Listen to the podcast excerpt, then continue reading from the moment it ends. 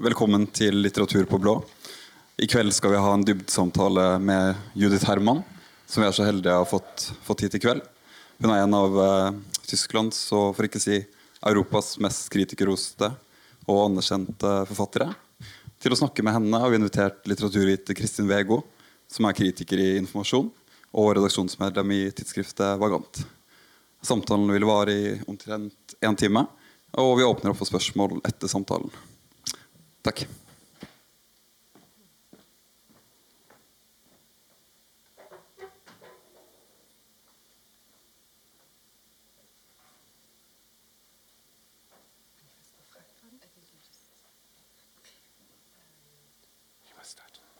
Soll ich einfach anfangen zu lesen? Okay. Guten Abend.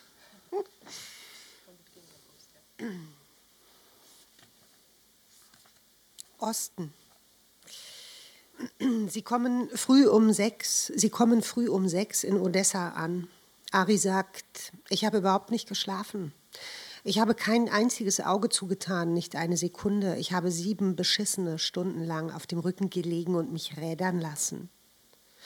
Jessica weiß, dass das nicht stimmt. Er hat geschlafen, nicht lange, ja, aber doch immer mal wieder. Er hat geschlafen, während der Zug sie durch die Nacht Richtung Osten gefahren hat. Sie hat auch geschlafen. Das Abteil hatte zwei gegenüberliegende Betten mit Tagesdecken aus zerschlissenem Gobelin, Nachtlämpchen am Kopfende über Stapeln aus drei festen Kissen und für jeden ein Tuch, um es über den kleinen Tisch zu legen. Jessica hatte ihr Tuch eingesteckt. Ari hatte seines auf dem Tisch ausgebreitet. Das Tuch war blau mit fein eingewebten hellen Streifen darin. Sie hatten auf dem Tuch Apfelsinen geschält. Ari war weggegangen und mit einem Glas Tee im silbernen Halter zurückgekommen, Zuckerstücken groß wie Schokoladenriegel. Sie hatten in die unbekannte Landschaft rausgesehen, bis es Abend wurde. Ari hatte sich als erster ausgezogen, auf seinem Bett ausgestreckt. Er war als erster eingeschlafen. Es macht keinen Sinn, ihn darauf hinzuweisen. Früh um sechs ist es in Odessa noch dunkel und über dem Bahnhofsdach steht ein Sichelmond. Es ist kalt. Aber Jessica hat irgendwo gelesen, dass der September am Schwarzen Meer golden sein kann. Nur die Nächte sind schon kalt, die Tage werden sicher noch warm sein. Die Reisenden steigen aus dem Zug und gehen sofort los. Sie eilen den Bahnhof entlang und verschwinden am Ende des Gleises nach rechts oder links. Es gibt niemanden, der abgeholt wird und niemanden, der zögert oder stehen bleiben würde. Alle haben ein Ziel. Ari weiß, dass es an den Bahnhöfen alte Frauen gibt, die Unterkünfte vermieten. Früher ist es so gewesen. Warum sollte es heute anders sein? Solange es auf dieser Welt noch Bahnhöfe und alte Frauen gibt, wird sich das nicht ändern. Die alten Frauen halten ein Pappschild hoch, auf dem das Wort Unterkunft steht oder das Wort Übernachtung. Er sagt, wir suchen uns eine aus. Die alten Frauen mit Pappschildern stehen tatsächlich in der Bahnhofshalle. Es sind einige. Jessica hätte nicht gedacht, dass sie eine einzige sehen würden. Aber es sind bestimmt 20 und sie sind sehr verschieden. Welche wollen wir nehmen? Zumindest sind sie sich einig, welche sie nicht nehmen wollen die Puffmutter nicht und die Alkoholikerin auch nicht. Ari stößt jegliches Zeigen von religiösen Symbolen ab, die Alte mit dem silbernen Kreuz um den Hals also erst recht nicht und die in dem räudigen Pelzmantel auf gar keinen Fall. Die alten Frauen stehen schweigend in der Bahnhofshalle, manche laufen ein wenig hin und her, zwei, drei Schritte nur in die eine, dann in die andere Richtung. Sie sprechen nicht untereinander und sie sprechen auch niemanden an. Ihre Pappschilder sind zerknickt und die Schrift darauf ist schwer lesbar und verblasst. Eventuell steht auch gar nicht Übernachtung darauf, Unterkunft. Eventuell steht was ganz anderes darauf. Ablass, Erwartung oder Vernichtung. Jessica hat keine Ahnung, warum mir ausschließlich solche Worte einfallen. Es gibt keine alte Frau, die so wäre, wie Ari sich das vorgestellt hat. Er würde sagen, er habe sich gar nichts vorgestellt. Es sei geradezu lebensgefährlich, sich etwas vorzustellen. Es gibt keine, die so wäre, wie Jessica sie sich wünscht. Alte Frauen aus Geschichten, gütig, ernst, ausgestorben, gibt es nicht mehr. Zumindest vermieten sie keine Zimmer mehr. Diese, wir nehmen diese da, sagt Ari. Schmächtige Frau mit kurzen, aschgrauen Haaren in einem Trainingsanzug und Turnschuhen, Jacke geschlossen, Hände ineinander verschränkt. Die nehmen wir.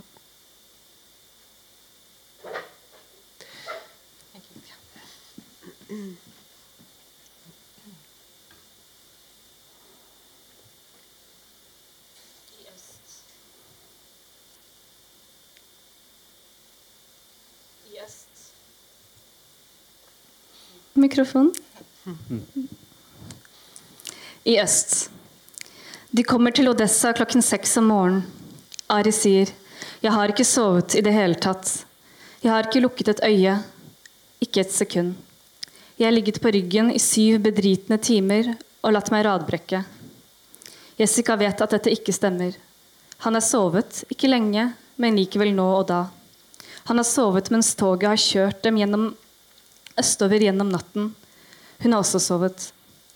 Kupeen har to køyer om hverandre og dagtepper av slitt gobelin, små nattlamper ved hodeenden og ved stabler av tre faste puter, og til hver av dem en duk til å legge over det lille bordet.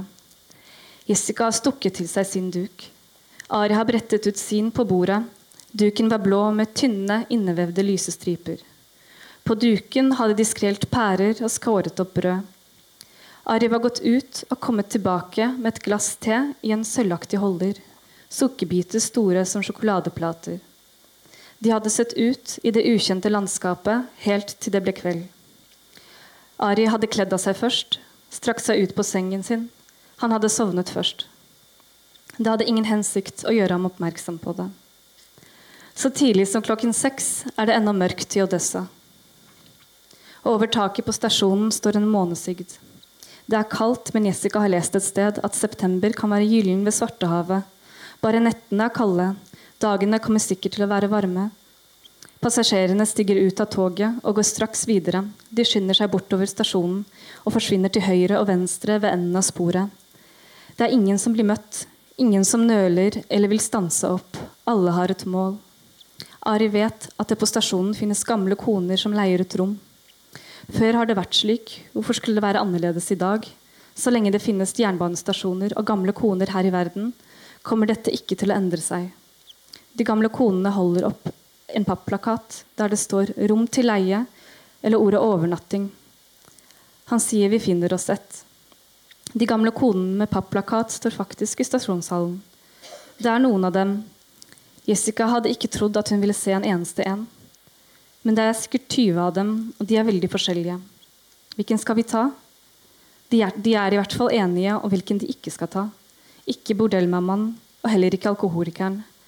Ari frastøtes av enhver form for religiøse symboler, altså absolutt ikke den gamle med sølvkorset rundt halsen, og ikke under noen omstendigheter hun i den lurvete pelskåpen. De gamle konene står tause i stasjonshallen, noen går litt frem og tilbake, to-tre skritt den ene, og så den andre veien. De snakker ikke, til, ikke med hverandre, og de snakker ikke til noen. Papplakaten deres har bretter, og skriften på dem er vanskelig å lese og bleknet, Eventuelt står det heller ikke overnatting på dem, rom til leie. Eventuelt står det noe helt annet på dem.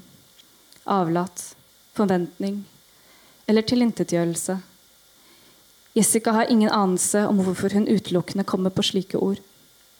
Her er ingen gamle damer som var slik Ari hadde forestilt seg dem. Han ville si han slett ikke hadde forestilt seg noe. Det var nærmest livsfarlig å forestille seg noe. Det er ingen som var slik som Jessica hadde ønsket seg dem.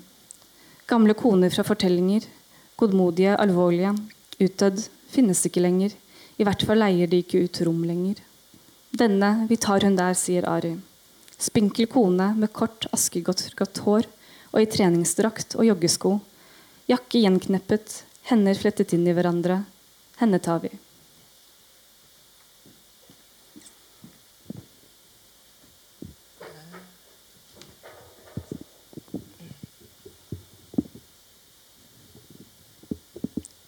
Der lyd i den her? Ja. Okay. Um, thank you for the reading. I think it's very nice, even if some people in the audience might not understand German. It's nice to hear the German words and the rhythm of the text.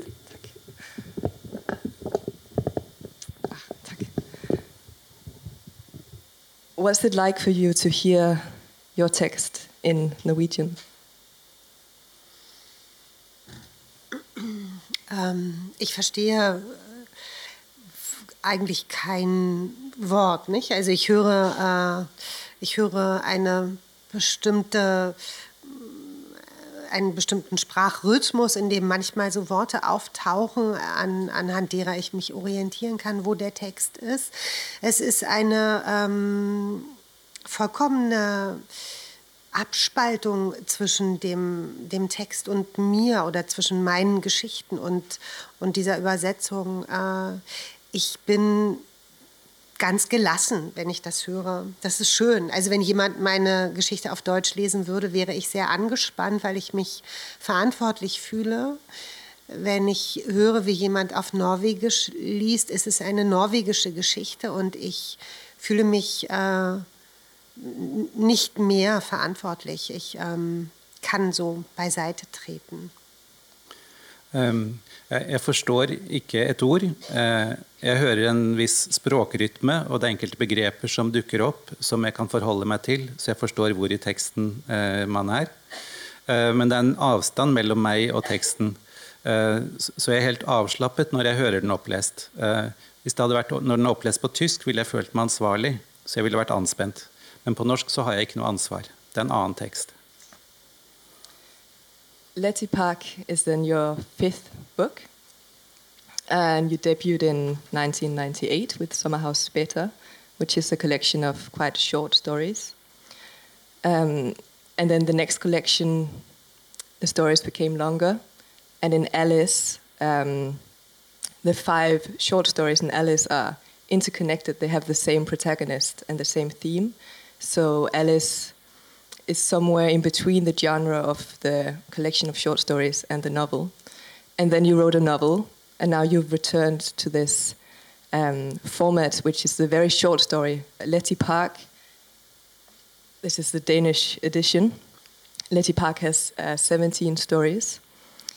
So I'm wondering what it's like for you as a writer to work with the longer formats uh, as opposed to these very short stories, and why you think that you were attracted to writing these short stories after working with the novel. ähm, der, der Roman war äh, ein ziemlich klaustrophobischer Text ähm, für mich. Also die Geschichte war äh, eine klaustrophobische, eine sehr enge Geschichte. Und ähm, es hat sich ähm, auf eine bestimmte Weise auch klaustrophobisch angefühlt, äh, so lange mit, mit, ähm, äh, mit einem Text zusammen zu sein, sodass ich, als ich den Roman zu Ende geschrieben hatte, anders als sonst, keine Pause gemacht habe zwischen den Büchern, sondern direkt, also den letzten Satz an dem Roman geschrieben habe und dann sofort die, den ersten Satz an der ersten Geschichte und mich sehr befreit gefühlt habe, äh, wieder zurück zu Kurzgeschichten gehen zu können.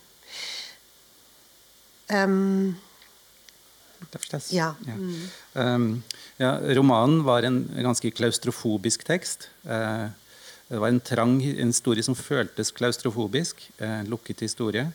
Eh, så det føltes klaustrofobisk å være, være sammen med en tekst i så lang tid. Slik at Da jeg var ferdig med romanen, så begynte jeg med en gang, uh, som jeg ellers ikke gjør, helt uten pause, å skrive første setning uh, på den første fortellingen. Og det var, føltes befriende. Es gibt zwei äh, Ebenen, auf denen die Länge eines Textes sich entscheidet. Es, die eine Ebene ist ein bisschen ähm, magisch, weil es tatsächlich der Text selbst ist, der das entscheidet. Also man beginnt einen Text und äh, oder ich beginne einen Text und eine bestimmte Strecke gestalte ich den Text und wenn es gut geht, dreht der Text sich um und führt mich. Die Figuren führen mich. Am Anfang führe ich die Figuren, dann führen die Figuren mich. Und sie entscheiden selber darüber, wie viel Platz sie ähm, brauchen, was sie von sich erzählen möchten. Also es ist etwas, was im Text stattfindet. Und die andere Ebene ist, dass ich es bevorzuge, dass der Text kurz ist und dass das Ende der Geschichte offen ist. Ich glaube, dass das etwas ist, was speziell für Kurzgeschichten gilt, dass sie ein offenes Ende haben Und das ist mir sehr ähm, nah. Es bedeutet, dass ich nichts wissen muss am Ende, dass ich mich nicht für die eine oder die andere äh, Lösung entscheiden muss. Ich kann es dem Leser überlassen, wie die Geschichte eigentlich zu Ende gehen soll. Ja, eh, Det med lengden på teksten det, på, det handler om to nivåer som bestemmer dette. Eh, det ene er litt magisk. Det handler om, om teksten selv. Eh, når jeg begynner på en tekst, så er det jeg som former teksten. Og jeg som bestemmer. Og hvis det går bra, så er det etter hvert teksten, så er det figurene som fører meg, som bestemmer hvor mye plass de trenger. Eh, det andre nivået eh, er at jeg foretrekker egentlig at en tekst er kort. Jeg liker at det er, en, at det er en åpen slutt, noe som er spesielt for novellen, og det er en form som ligger nær meg. Jeg vil ikke helt vite hvordan det går. Jeg vil ikke være nødt til å bestemme meg for hvordan slutten skal være. Så det passer meg. And you even have some stories which also seem to have an open beginning.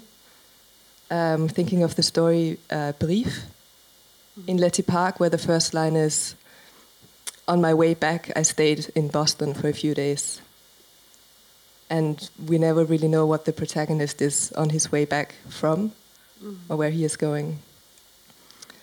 Um, Ich empfinde das oft, ähm, als würde ich, also das Schreiben einer so kurzen Geschichte, ein bisschen so, als würde ich ein, äh, ein Haus aus Karten bauen, ja.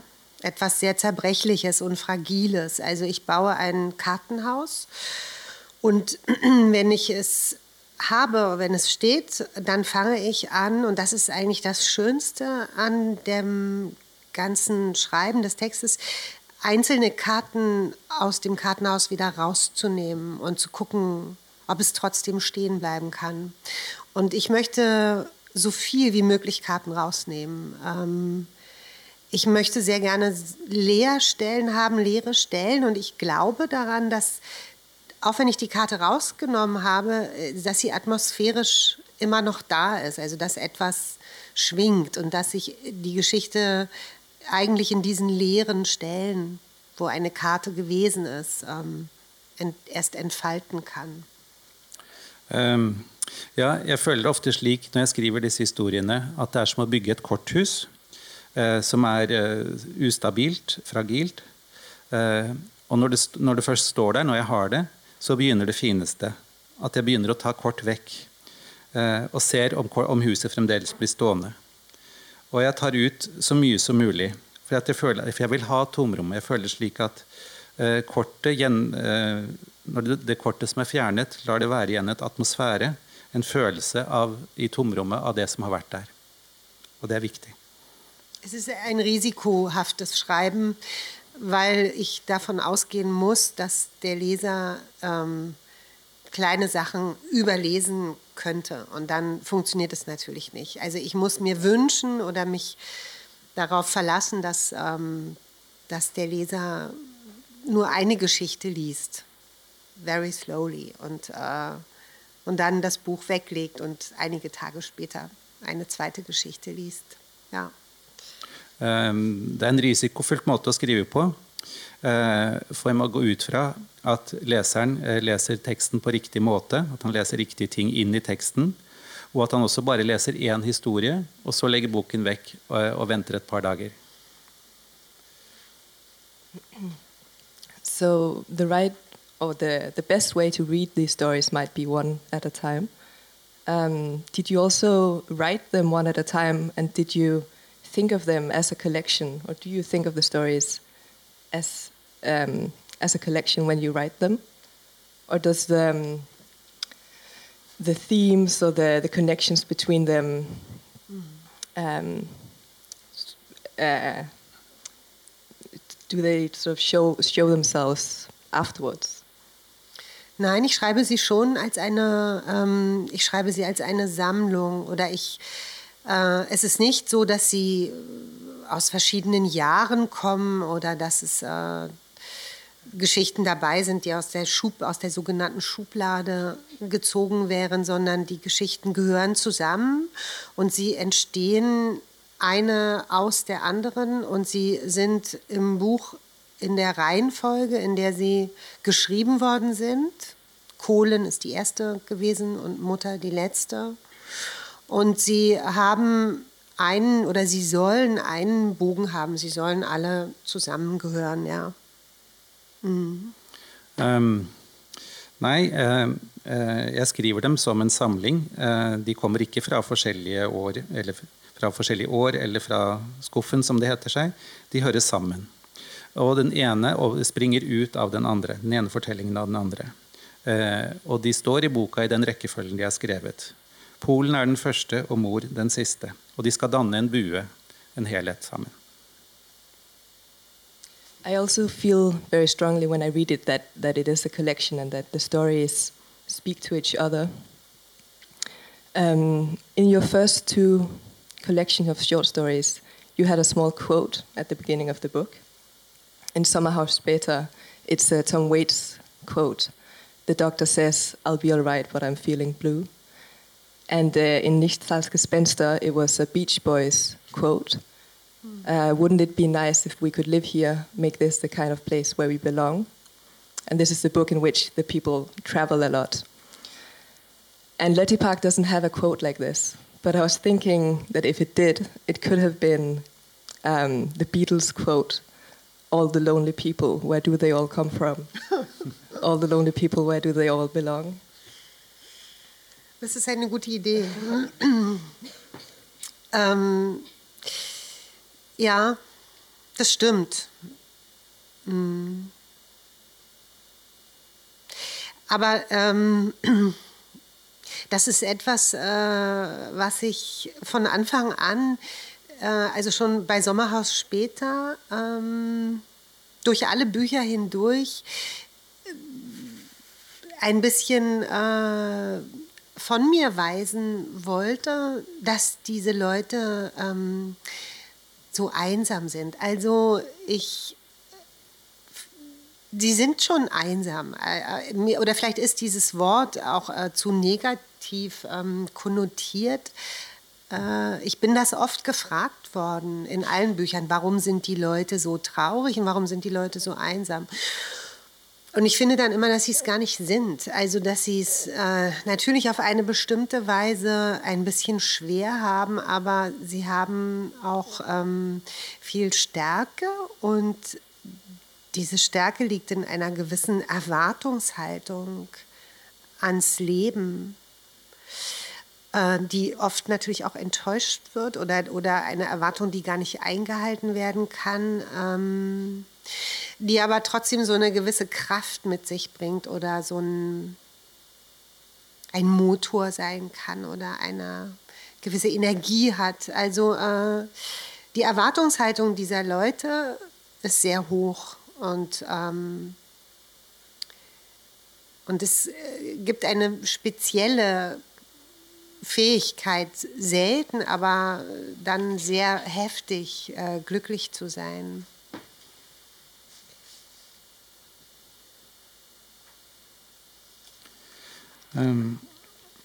Ja, det er en god idé, og det stemmer. Um, men uh, det er noe som uh, uh, Jeg har holdt litt på avstand helt fra begynnelsen, fra Sommerhaus Spirta, og gjennom alle de senere bøkene. Så jeg prøvde å skyve litt, avvise litt at disse menneskene er så ensomme. De er ensomme, men kanskje har det ordet litt for negative konnotasjoner. Ehm, for jeg blir ofte spurt at eh, hvorfor er de så triste, hvorfor er de så ensomme? Eh, men jeg synes ikke det, at de er det. Eh, de har det kanskje vanskelig, men det er mye styrke i dem. Og dette kommer kanskje at de har høye forventninger til livet, og dermed ofte blir skuffet. Forventningene blir ikke innfridd. Men samtidig så har de mye kraft i seg, og de har en motor som eh, Det er mye energi med dem. Eh, men, men den, disse høye forventningene fører skuffelse med seg. Eh, samtidig så fins det spesielle, kanskje sjeldne øyeblikk av lykke, som dermed også er veldig sterke.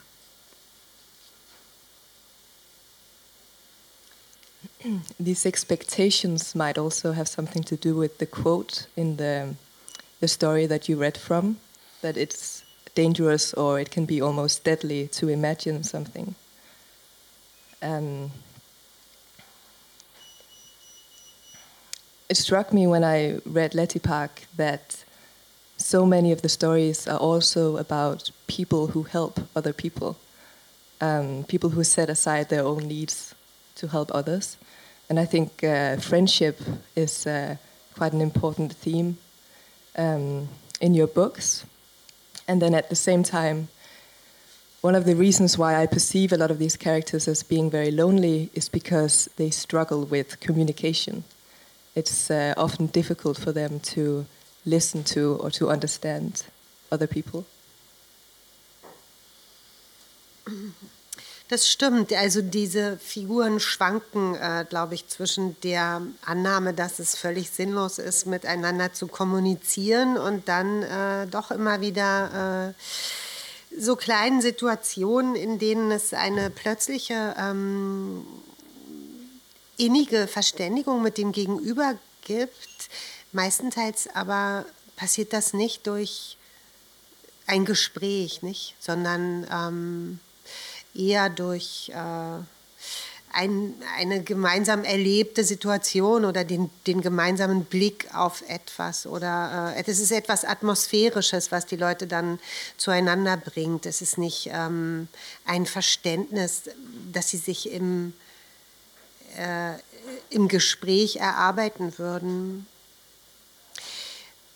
Sie sind Einzelgänger und, äh, und trotzdem sind sie natürlich angewiesen auf Freundschaften und, ähm, und angewiesen auf den anderen. Ähm, ohne den anderen geht es nicht. Ja. Um, ja, um, det er personer som, um, som svinger mellom det at det er meningsløst å kommunisere, uh, og små uh, situasjoner med tett forståelse uh, med den andre. Men det er en forståelse som ikke oppstår gjennom samtale, men heller gjennom felles opplevelser, gjennom å ha et, felles blikk på noe. Så det er ikke en forståelse som oppstår med å snakke sammen. Disse personene er ganske ensomme, folk som holder seg for seg selv, men samtidig er de avhengig av vennskap, og de er avhengig av de andre.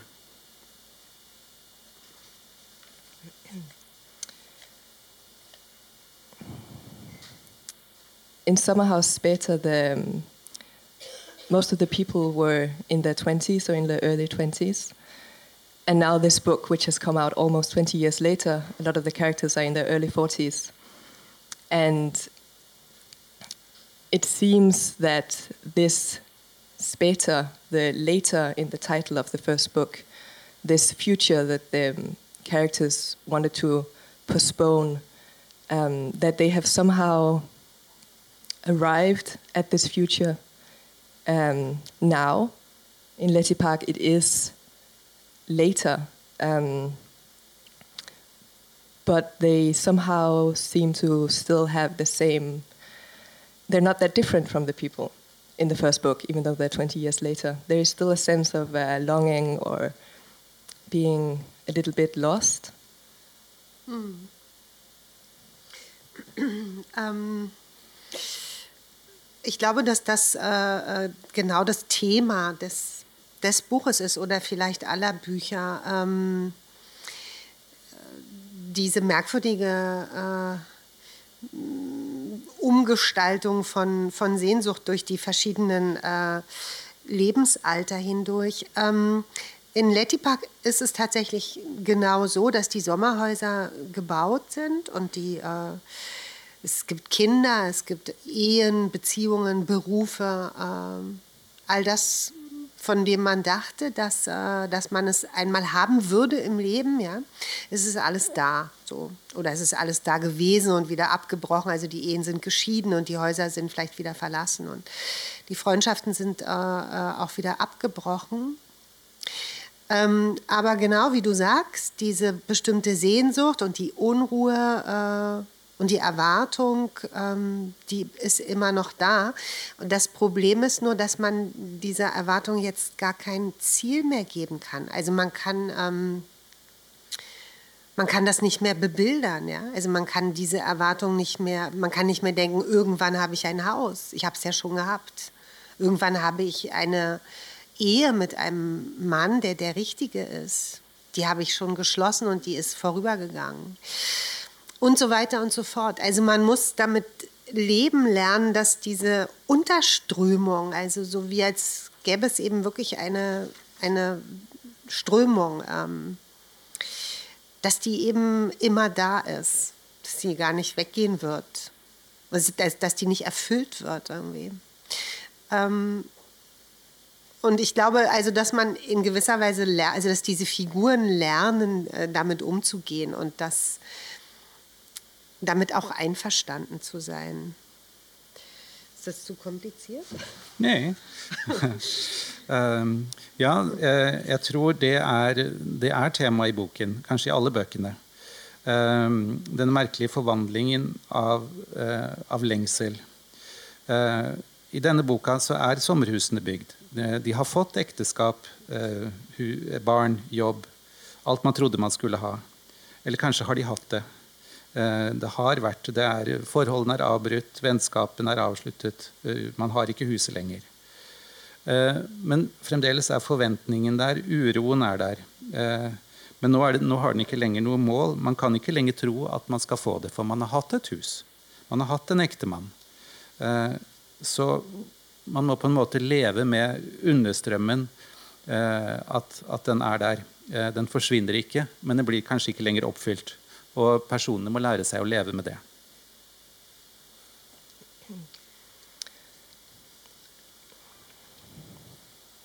I think the sense of time uh, is interesting in your stories um, when you read all of your books, but also in each individual story. Um, and particularly um, the way that time affects a friendship. Um, there's this, this, story in Letty Park, which I read as almost a mirror story of uh, the story Islands um, in Letty Park, which feels a bit like a mirror of Hurricane in, in the very mm. first collection, um, which is about two uh, female friends who, are, who spend a summer in the Caribbean the difference is that the story in Letty Park is told from a point uh, many years later. She's looking at a photograph and thinking back. And the story is not just about the friendship, but also about how it has drifted apart. Um, and then in the very last sentence, I'll just read the last sentence of that story in Danish. Um,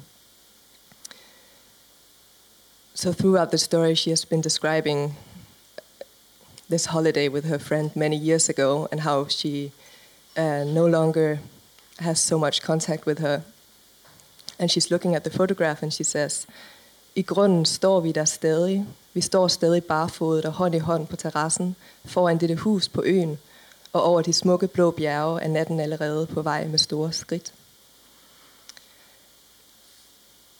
And for me, when I read this, this sentence, it was like the whole, the whole of Letty Park almost came together in this sentence because it's, it's, it's saying that even though it's um, so many years later now and we might not um, be in touch anymore, it still feels like we're standing in the same spot. Um,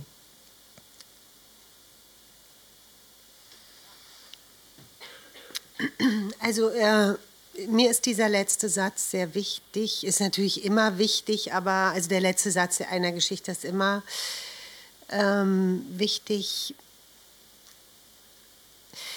Hier ist es zum, es ist schon, es ist genau so, dass ähm, die Figuren äh, an einer bestimmten, an einer bestimmten Stelle ihres Lebens stehen und ganz gegenwärtig und ganz äh, im Hier und Jetzt und gleichzeitig aber tatsächlich von hinten schon äh, überrollt werden von der Dunkelheit, nicht? Also vom, äh, das ist ja dann auch bald schon vorbei. Ähm.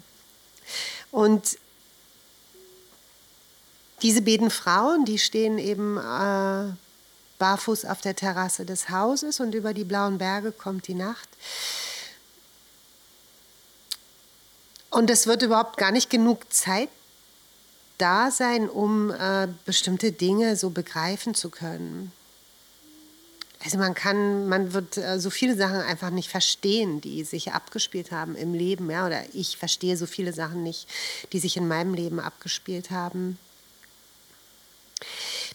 Im Deutschen ist es so, dass dieser Satz, der ist ein bisschen gedreht. Ich wollte, dass das letzte Wort Nacht lautet. Und in Dänischen, das haben sie nicht gemacht. Und äh, ich habe es einmal mir angesehen und habe es ähm, gesehen, dass sie es nicht gemacht haben. Das ist nicht schlimm, es ist aber eben eine kleine, ähm, ein ganz kleines Detail in der, in der Übersetzung, das dann fehlt. Äh, in der dänischen Übersetzung heißt es, kommt die Nacht in großen Schritten. Das Schritte ist das letzte Wort.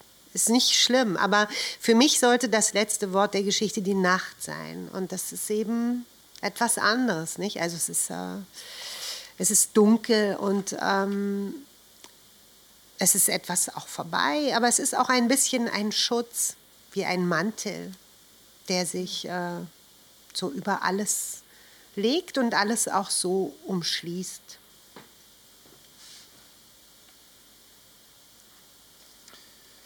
Um, ja, um, i denne siste setningen så står personene uh, på et bestemt sted. Uh, de er til stede her og nå, men samtidig er det slik at de blir uh, At mørket kommer bakfra og ruller over dem. Kvinnen i fortellingen står bak, barfot på terrassen, og natten kommer over fjellene. Og det er ikke nok tid til å forstå mange ting i livet. Eh, jeg kommer ikke til å rekke å forstå alt det som har skjedd i løpet av livet. Eh, og På tysk så er setningen snudd litt, slik at 'natt', 'nacht', er det siste ordet. Eh, og I den danske oversettelsen er det ikke slik. De har ikke gjort det. Det er bare en liten detalj, det er for så vidt ikke viktig. Men, men det er sånn at natten kommer med, med store skritt. Og, og og dekker, eh, innhyller nesten som en beskyttelse eh, det som skjer, og skikkelsene. Eh, slik at hun ville at, at natt skulle være det siste ordet. Jeg vet ikke hvordan det er i den norske. Um, that's that's very interesting, and it might be the reason why why I read the story in a certain way in the Danish translation, because there is there's a movement in the final words. Mm. Um, um, natten er allerede på vej med store skridt. Mm. There's an expectation of something. Genau. And it reminds me of um, you have a lot of stories which are about two women who used to be very close and that have either drifted apart or who are still in contact but they live far away. Uh, Aller Lieber Anfang, the novel, has one of these stories. Um, and there's a moment towards the end of the novel where the friend writes in a letter. So they lived, they used to live together in Berlin, but it's many years ago. And she writes, "Sometimes it feels to me that you've just uh, that you've just left and you'll be back in a few minutes." And that was um, the same feeling that I got when I read this short story. That um, 20 years can feel like five minutes, and someone might uh, just have gone out to get the milk and be back in five minutes.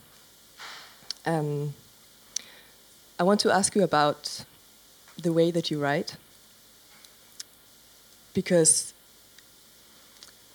as I said, I often get this feeling that a sentence will stand out and really uh, hit me and somehow um, encapsulate the entire story.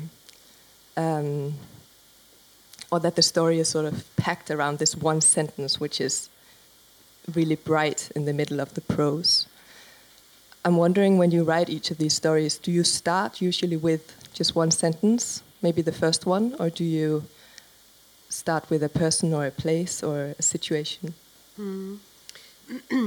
Die Geschichte äh, startet sozusagen in mir. Äh, mit einem Satz. Also ich stolpere genauso oder ich, ich bleibe auch so wie du beim Lesen hängen an einem Satz im Alltag, also in, in, in meinem äh, realen Leben sagt jemand einen Satz zu mir oder ich höre, wie jemand einen Satz zu jemand anderem sagt und ich stolpere über diesen Satz. Ich finde diesen Satz äh, total merkwürdig und es ist ein ganz normaler Satz eigentlich, aber, da, aber er hat eine, einen Subtext, etwas, äh, er sagt etwas und darunter sagt er etwas völlig anderes. Und ich komme nicht drauf, was, aber ich empfinde das sehr stark und ich merke mir diesen Satz und ähm, ich habe das Bedürfnis, eine Geschichte zu finden, in der eine Figur diesen Satz zu einer anderen Figur sagen kann. Und das ist ähm, der Anfang des Textes. Und ich trage diesen Satz manchmal ziemlich lange, über Jahre manchmal auch mit mir herum. Manchmal geht es auch schneller. Irgendwann fällt mir eine Figur ein, die so einen Satz sagen könnte.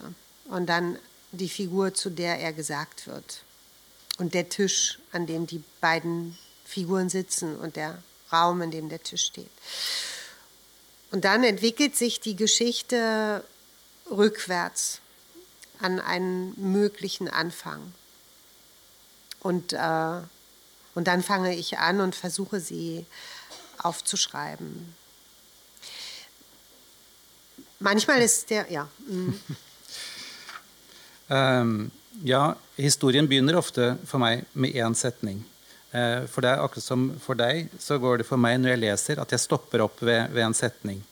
Uh, noen, noen, sier en setning, og jeg liksom snubler over den. Jeg syns kanskje den er litt merkelig, uh, selv om den er en helt vanlig setning. Men den har en undertekst som jeg ikke forstår hva betyr, uh, men jeg bare føler det veldig sterkt.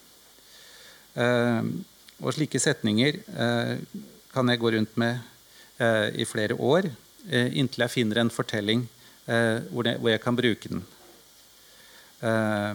Jeg må finne en person, det, duk, eller det dukker opp en person som kunne si en slik setning, og en, persi, en person som den kan sies til. Og bordet hvor den blir sagt, og rommet hvor den sies. Og Herfra utvikler historien seg bakover til en mulig begynnelse. Og jeg forsøker å skrive den ned.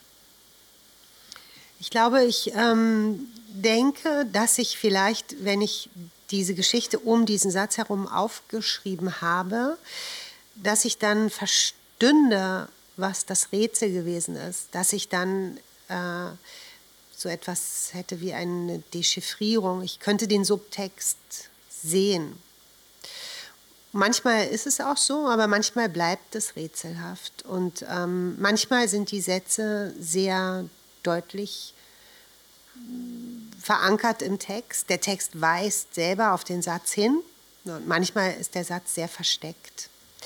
Ich ähm, Du würdest mich wahrscheinlich auch nicht fragen, aber ich dürfte ihn auch nicht äh, verraten. Um, uh, ja, uh, når jeg da har skrevet en historie uh, rundt, en slik tekst, rundt en slik setning, så tenker jeg meg at nå vil jeg forstå setningen. Jeg vil, vil skjønne hva underteksten er for noe. Og noen ganger er det slik. Men noen ganger så forblir underteksten og setningen gåtef noe gåtefullt. Eh, men det er noe som er forankret i teksten. Eh, noen ganger så viser hele teksten hen til den setningen. Andre ganger er den mer gjemt.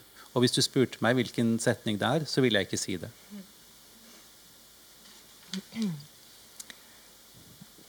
I also get the feeling that your, when I read um, that each sentence is extremely precise. Do you feel like it's possible to say something in exactly the right way, or do you feel like each sentence has the perfect form? Does that make sense?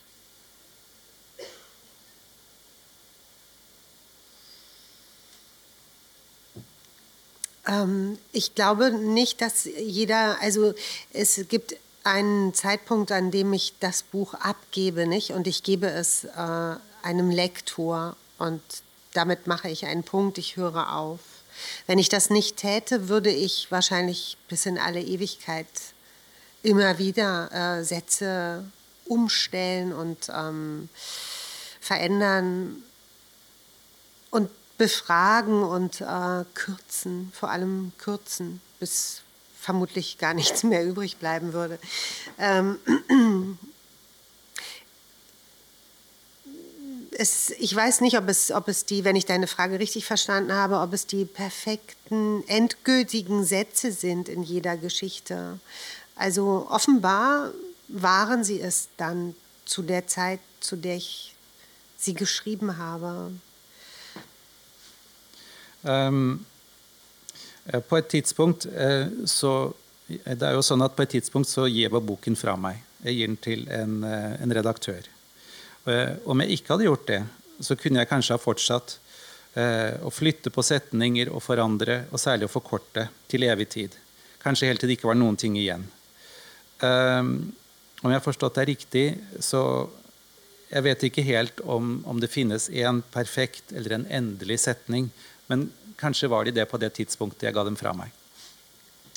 Ich habe äh, sehr spät meinen äh, Führerschein gemacht mit 30 erst. Und das ist ähm, eine anstrengende Zeit gewesen für mich, auch für meinen Fahrlehrer. Ja. Äh, und man musste irgendwann diese äh, Autobahnfahrt machen, wo man äh, zum ersten Mal, also mit großer Geschwindigkeit, dann auf die Autobahn rauffahren muss. Und das war äh, entsetzlich für mich. Und mein Fahrlehrer hat mich äh, beobachtet während dieses Prozesses und anschließend äh, überrascht eigentlich fast, also als hätte er das selber gerade verstanden, gesagt, äh, Autofahren ist was für Leute, die sich entscheiden können und ich glaube, da äh, hast du ein richtiges Problem mit. um, jeg tok førerkort ganske sent, jeg var rundt 30, og det var en veldig anstrengende tid for meg, og for sjåførlæreren også. Mm. Eh, på et tidspunkt så måtte jeg da gjøre dette her, og kjøre på motorveien, på autobahn. Hvor man da må eh, ta stor fart å kjøre ut på, på motorveien. Og så, læreren så på meg under prosessen og slo noe ganske overrasket fast at å kjøre på autobahn er noe for folk som kan bestemme seg. Ich, ähm, ich selber war auch erstaunt damals, weil ich, weil ich dachte, dass er recht hat. Also ich hatte es noch nicht gewusst, aber äh, er hatte durchaus recht. Und es ist eines meiner großen Schwierigkeiten bis heute. Ähm, und je älter ich werde, desto mehr ist das beim Schreiben schwierig, sich überhaupt fürs Schreiben zu entscheiden, weil es eben bedeutet, sich schon alleine also für dieses oder jenes Wort entscheiden zu müssen, nicht? Weil es eine, ein Miniatur Schritt für Schritt entscheiden äh, für den nächsten Satz ist. Das ist eine, je älter ich werde, ähm, desto mehr ist mir das bewusst, ähm, was für eine seltsame Arbeit das ist. Als ich das erste oder zweite Buch geschrieben habe, habe ich das überhaupt noch nicht begriffen. Und ähm, beim sechsten Buch jetzt äh, ist es sehr deutlich, dass ähm, es immerzu eine Frage von entweder oder ist. Also dass es wirklich bei jedem Satz bedeutet, ähm, ich könnte, äh, soll ich es überhaupt tun? Also soll ich überhaupt schreiben? Ähm, Ja, eh, Den gangen da han sa det, så var jeg også ganske overrasket eh, og skjønte at han hadde rett. Fordi at det er noe jeg har vanskeligheter med helt til i dag. Og jo eldre jeg blir, jo vanskeligere blir det. Bare det å bestemme for å skrive.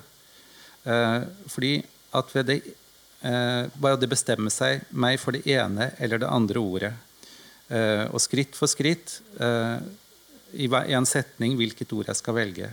Og for én setning bestemmer den neste setningen. Eh, det blir stadig tydeligere for meg hvilket merkelig arbeid dette er. Eh, ved den første og den andre boken så var ikke dette bevisst for meg, men ved den sjette så er det helt tydelig. Eh, at det er et spørsmål hele tiden om enten-eller ved hver setning. Og det er også et spørsmål om skal jeg i det hele tatt skrive.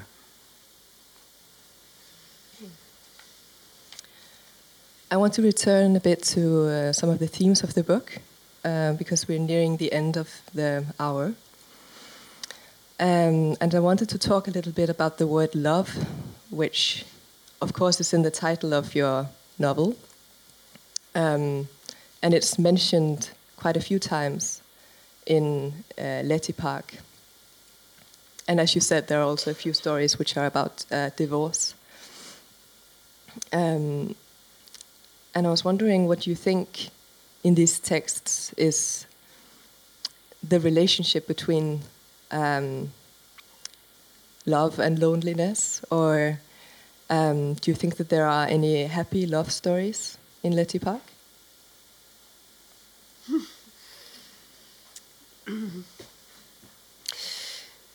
Ja, das weiß ich auch nicht. Ähm also gibt es, ich weiß gar nicht, ob es an und für sich Happy Love Stories gibt. Ich nehme, ich fürchte nein, oder? Also Liebe ist eine schwierige äh, Angelegenheit. Aber das ist durchaus möglich, äh, zwischendurch, ähm, also so miteinander einverstanden zu sein. Diese beiden Leute hier in der Geschichte Osten, äh,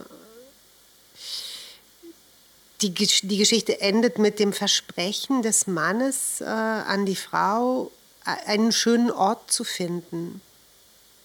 Und äh, es bleibt offen, ob sie diesen schönen Ort finden werden oder nicht. Weiter weiß ich es auch nicht. Ja. Um, nei, det vet ikke jeg heller. Um, vet ikke om det helt uh, finnes uh, I og for seg finnes lykkelige kjærlighetshistorier. Det er et vanskelig tema, men det er mulig. Det er jo mulig. De to i øst i denne fortellingen slutter med at mannen lover til kvinnen å finne et fint sted. Men det er åpent om de faktisk finner det. Jeg vet det heller ikke.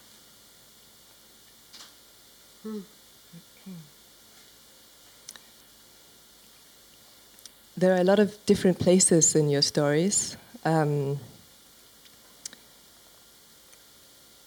you are often talked about as um, a Berlin writer, uh, but a lot of your stories do not take place in Berlin. And in this one, we are in Odessa. Um, I'm wondering what your relationship is to the places that you write about. This particular place, for example. Um, do you write about places that you know really well? Or what is the difference between writing about a place that you know well and one that you, maybe somewhere that, where you haven't been? Odessa ist ähm, für Leute aus Berlin äh, ein Sehnsuchtsort gewesen, glaube ich, ähm, in Mitte der 90er Jahre, in den 90er Jahren vielleicht. Da sprach man von Odessa äh, wie so von einem Erweckungsort, ja. Ähm, das war es für mich auch. Und ich war da und ich fand es so schön, wie ich gedacht habe, dass es schön sein würde. Obwohl es natürlich nicht im direkten Sinne schön war. Ähm, ich lebe an einem Ort in Berlin, nicht? Das ist so ein Sehnsuchtsort, glaube ich, für, äh, für viele Leute. Und das ist ähm, komisch, an einem Sehnsuchtsort zu leben und selber gar keine Sehnsucht nach diesem Ort zu haben. Dementsprechend habe ich auch überhaupt keine Lust, über Berlin zu schreiben. Ich habe auch Sommerhaus später nicht bewusst über Berlin geschrieben. Ich bin in Berlin geboren und ähm, ich habe viel zu wenig Abstand, um über Berlin bewusst schreiben zu können. Und deshalb schreibe ich lieber über andere Orte, nach denen ich mich sehne oder an denen ich noch nie gewesen bin. Um, ja, Odessa, eh, som det handler om i denne historien, er et, et sted som folk i Berlin eh, lengter til. Eh, på 90-tallet var Odessa et slikt sted, et slags vekkelsessted. Eh, og det var det også for meg. Og jeg dro dit, og det var så fint, så vakkert som jeg trodde det skulle være. Selv om det ikke var direkte fint eller vakkert i seg selv. Eh, Berlin er jo for mange andre sted, eh, et, eh, et, sted folk lengter til. Eh, og Dermed er det spesielt å leve der uten å lengte dit. Og Derfor har jeg ikke lyst til å skrive om Berlin. Ehm, jeg har for, for stor nærhet til det. Eh, jeg har, ingen, har ikke noe avstand til det. Eh, og det var ikke bevisst at jeg skrev om Berlin i Sommerhaus. Eh, fordi jeg er født der, så vil jeg heller skrive om andre steder som jeg lengter til, eller kanskje ikke, heller ikke har vært.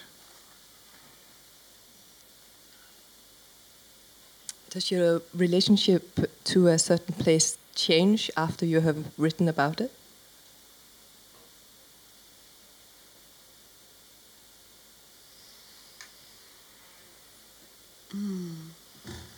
Das habe ich mich noch nie gefragt. Ähm ich glaube, ich schreibe ähm, um unter, also unter anderem um Dinge äh, aufzuheben, um, um, mir, um mir etwas aufzuheben, um etwas zu bewahren, das mir wichtig gewesen ist. Und diese Geschichte über Odessa geschrieben zu haben, äh, hat, ähm, hat mir Odessa bewahrt auf eine bestimmte Weise. Äh, und es hat es mir vielleicht aber auch unmöglich gemacht, da noch einmal hin zurückzukehren. Es gibt äh, ein internationales Literaturfestival in Odessa, zu dem ich dreimal eingeladen gewesen bin und ich habe dreimal gesagt, dass ich da nicht hinfahren will, weil ich nicht noch einmal nach Odessa möchte, obwohl ich es ähm, sehr schön fand, dort gewesen zu sein. Die Orte verschließen sich, wenn ich über sie geschrieben habe. Mm. Mm, det spørsmålet har jeg aldri blitt spurt. Uh, jeg skriver ofte om et sted, eller blant annet, uh, for, å, for, å, beholde det, for å bevare det. For å bevare noe som har vært viktig. Uh, Odessa ble bevart for meg på denne måten. det gjorde det også mulig for meg å reise tilbake. Eh, eller ville også gjøre det mulig for meg å reise tilbake. Jeg er blitt invitert eh, til en litteraturfestival i Odessa tre ganger. Og tre ganger har jeg sagt, at, eh, har jeg sagt nei takk, fordi jeg vil ikke reise dit en gang til. Når, jeg et, har skrevet om et sted, så lukker det seg for meg.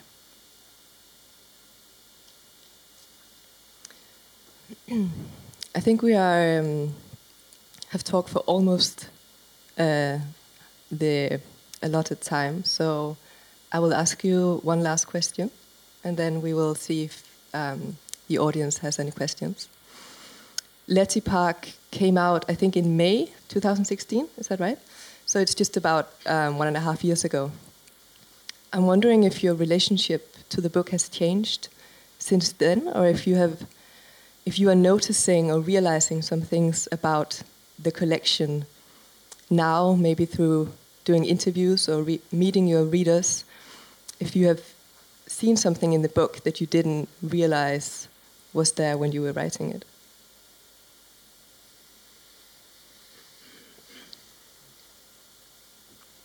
Mm.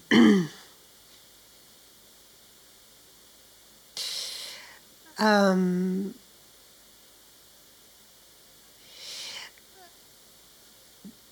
schwer zu sagen. Also Bücher, wenn man äh, ein Buch geschrieben hat und dann damit auf Lesereise geht und daraus liest und äh, darüber spricht, dann lässt man es natürlich äh, los, nicht? Also es, äh, man gibt es weg. Und das ist so ein bisschen wie mit den Orten. Das äh, Buch verschließt sich dann. Ich kann mich gar nicht mehr daran erinnern, wie es war, es geschrieben zu haben. Ähm, ich vergesse das. Ähm, das Buch wird äh, irgendwie autark.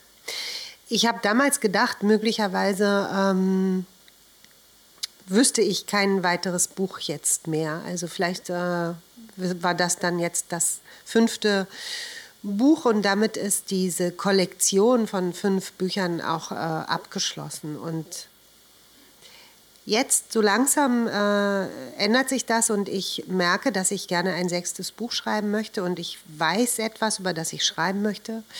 Und das ähm, verändert Letty Park natürlich nochmal. Also ich habe längere Zeit gedacht, das, wäre die, das wären die letzten Geschichten, aber sie sind es nicht aller Wahrscheinlichkeit nach und ähm, und dadurch äh, ist es nochmal alles offen vielleicht, ja. Ich muss diese Stimmung dieser Geschichten, das muss nicht das letzte äh, äh, Wort gewesen sein. Wobei ich das Gefühl habe, dass wir jetzt sehr ernst über die Geschichten gesprochen haben.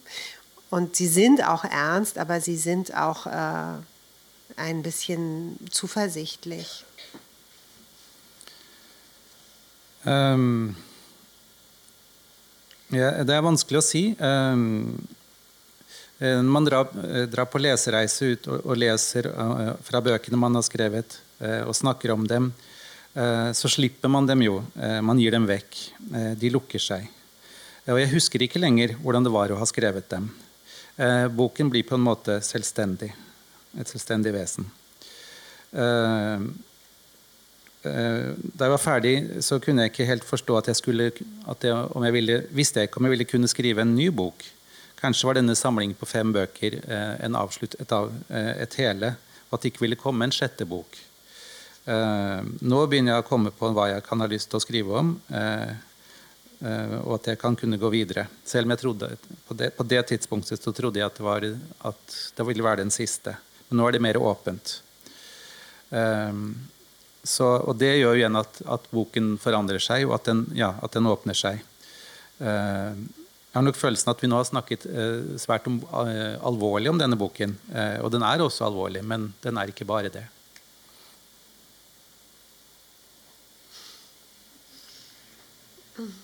This might be the perfect place to end with an open ending, mm. I think. or am I mistaking the time? Have we talked for about an hour?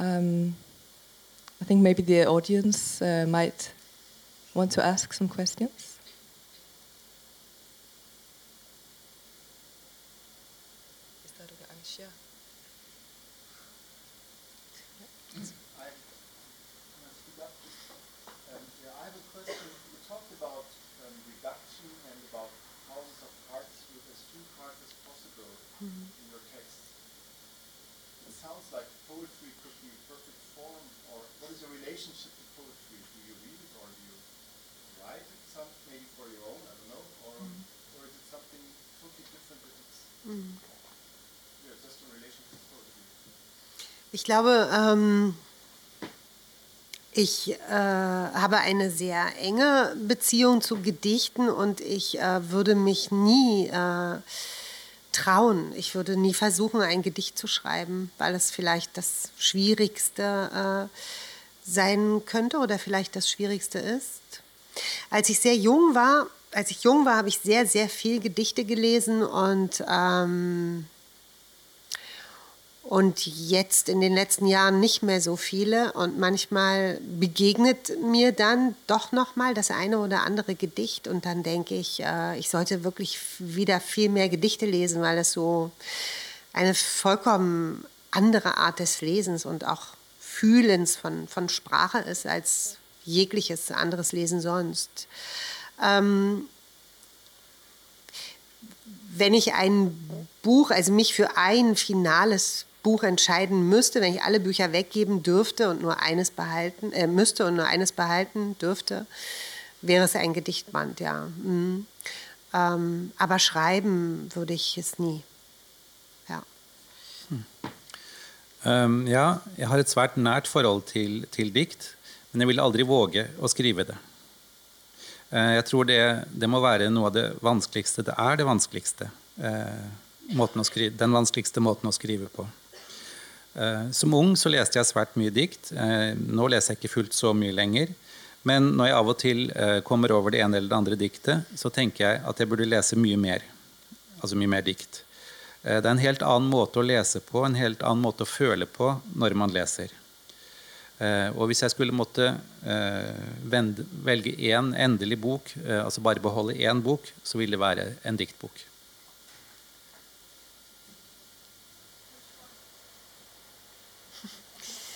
Uh, Gottfried Benn. It's a German uh, poet. Mm -hmm. mm. Ja.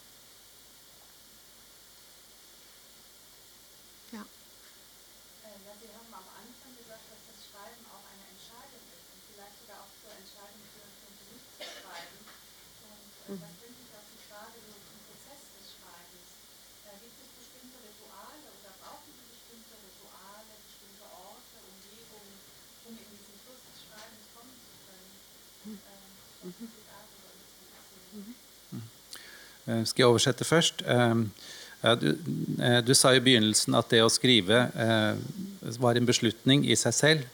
eh, Å beslutte seg for å skrive, deg for å skrive. Og Da lurer hun på om noen eh, om, om skriveprosessen. Om du har visse ritualer eller visse omgivelser som du trenger for, for å komme inn i, i flyten med å skrive. Ich kann sagen, wie es ähm, am besten wäre oder wie es, äh, also, wie es am schönsten ist oder am besten ist es, wenn ich, äh, also wenn ich äh, eher auf dem Land bin als in der Stadt und wenn es eher kalt ist und äh, regnerisch und äh, bisschen dunkel als warm und hell und sonnig. Und ähm, es ist am allerbesten, wenn ich äh, direkt aus dem Schlafen äh, morgens früh äh, an den Text gehen kann, ohne mit jemandem gesprochen zu haben. Äh, also ohne Gespräch, ohne Radio, ohne das Lesen einer Zeitung, auch ohne das Lesen eines anderen Buches. Äh, ein direktes morgendliches Beginnen äh, vor einem weißen Blatt Papier. Das ist ähm, das Optimale sozusagen und das ist ziemlich schwer herzustellen, weil ich äh, eine Familie habe und mit Kindern lebe und äh, sehr viel sprechen muss ähm, und ziemlich viel Banales sprechen muss, bevor ich an die Arbeit gehen kann, so bevor ich an den Schreibtisch gehen kann. Und natürlich versuche ich es trotzdem und gehe an den Schreibtisch. Und dann schreibe ich auf jeden Fall mehr tagsüber, vormittags bis mittags. Und ähm, ich kann überhaupt nicht abends schreiben, nachts erst recht nicht, obwohl ich es manchmal gerne mir, also ich stelle es mir schön vor, aber ich kann es nicht. Ich habe ähm, zwei Bücher mit sehr, sehr, sehr viel Zigaretten geschrieben und drei Bücher ohne Zigarette. Das ist ein wesentlicher Unterschied gewesen, den man auch sehen kann in den Büchern. Die Sätze sind, das ist alles viel knapper und kürzer, äh, ohne Zigarette. Mhm. Ehm, ja, ehm, det fineste, det beste, eh, er eller vil være, ville være å være på landet. Det er heller kaldt eh, og regn og mørkt heller enn varmt og lyst og sol. Eh, og jeg vil da stå rett opp fra senga om morgenen, eh, tidlig om morgenen, uten å snakke, uten å høre radio, uten å lese avis, heller ikke en bok, eh, og så gå til det blanke papiret, til det hvite papiret uten, å, uten å snakke med noen. Men det er vanskelig å få til, for jeg har en familie, jeg har barn. Jeg må snakke mye, ofte banale ting, før jeg kan begynne å skrive. Eh, men jeg forsøker jo allikevel eh, å sette meg til skrivebordet. Eh, og det skjer da helst om formiddagen, ikke om ettermiddagen, og slett ikke om natten. Det klarer jeg ikke i det hele tatt, selv om jeg tror at det ville vært fint. Jeg har skrevet to bøker med sigaretter, med mye sigaretter. Mange.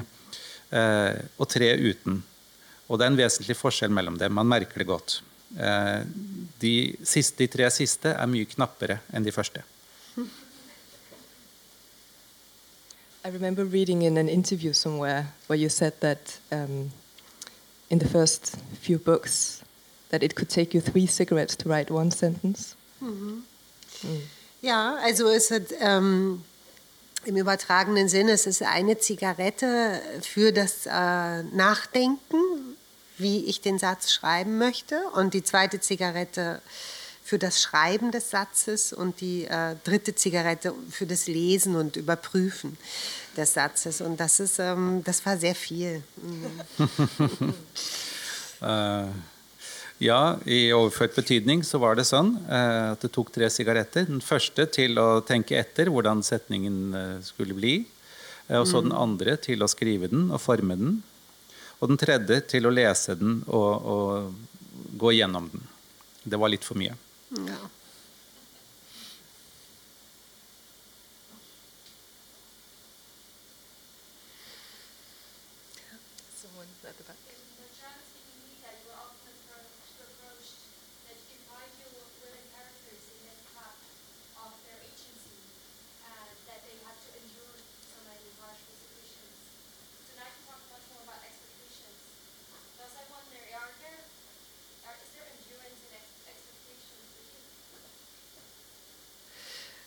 Ja. verstehe ich. Oh, ja.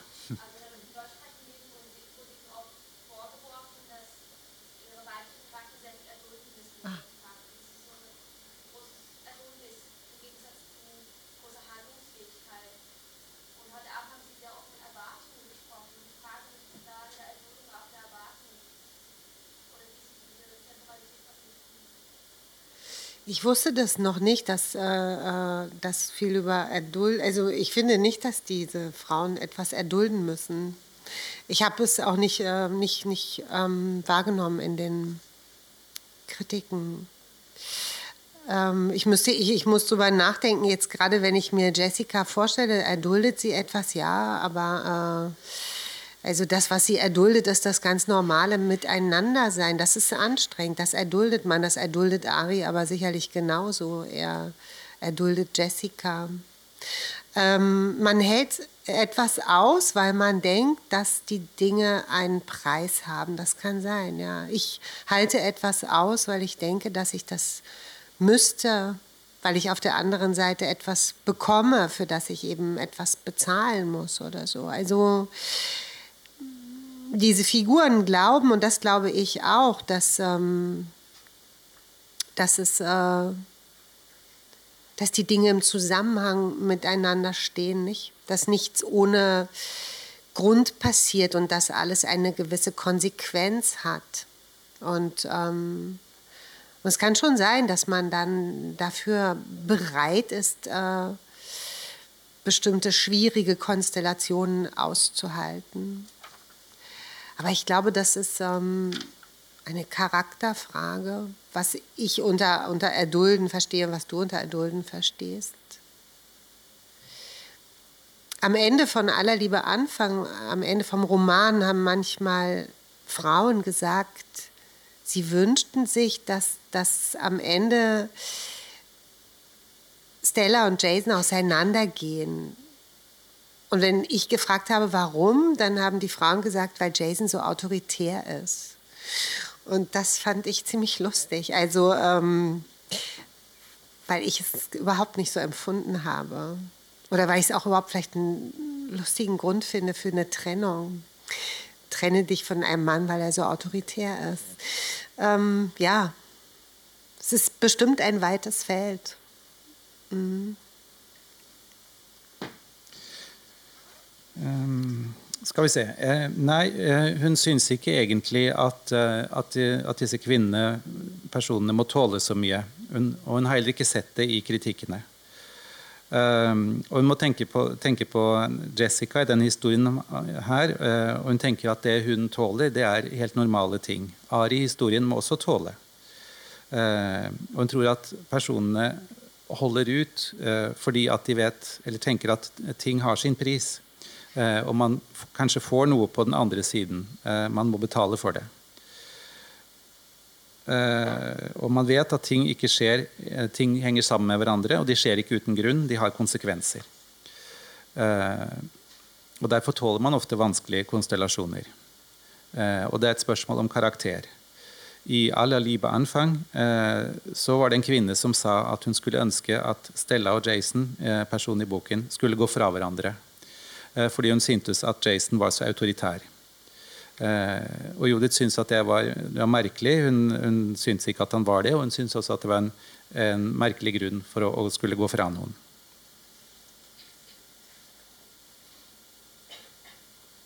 Hast du gesagt, dass es ein weites Feld ist? Ja, det er et stort, Entschuldigung. Og det er et stort tema. Ich habe es nicht lesen können. Danke.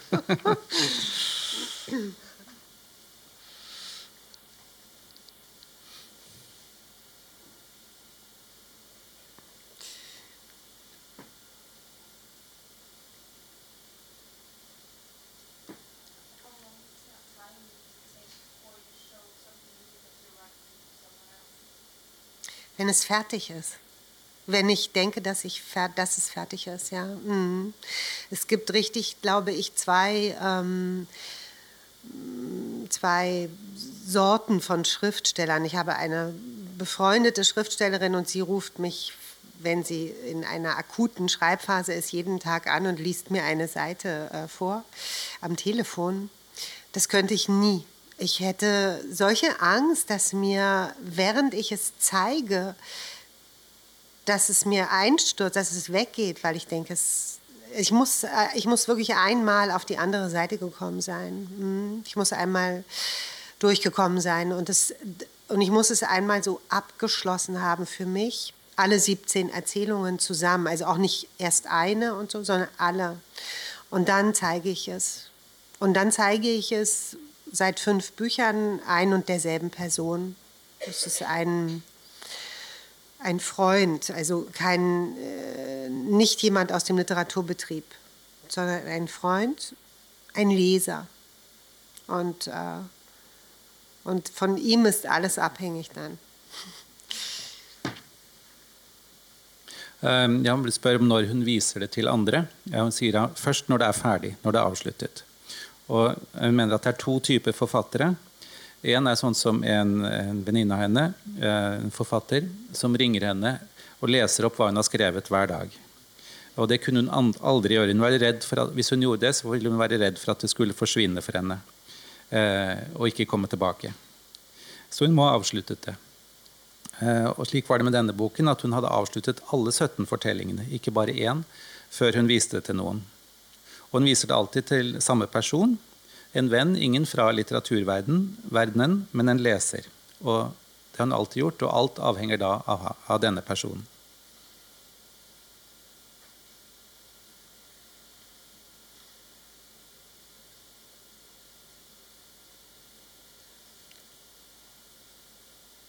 If there are no more questions, then I think um, I'd like to say thank you.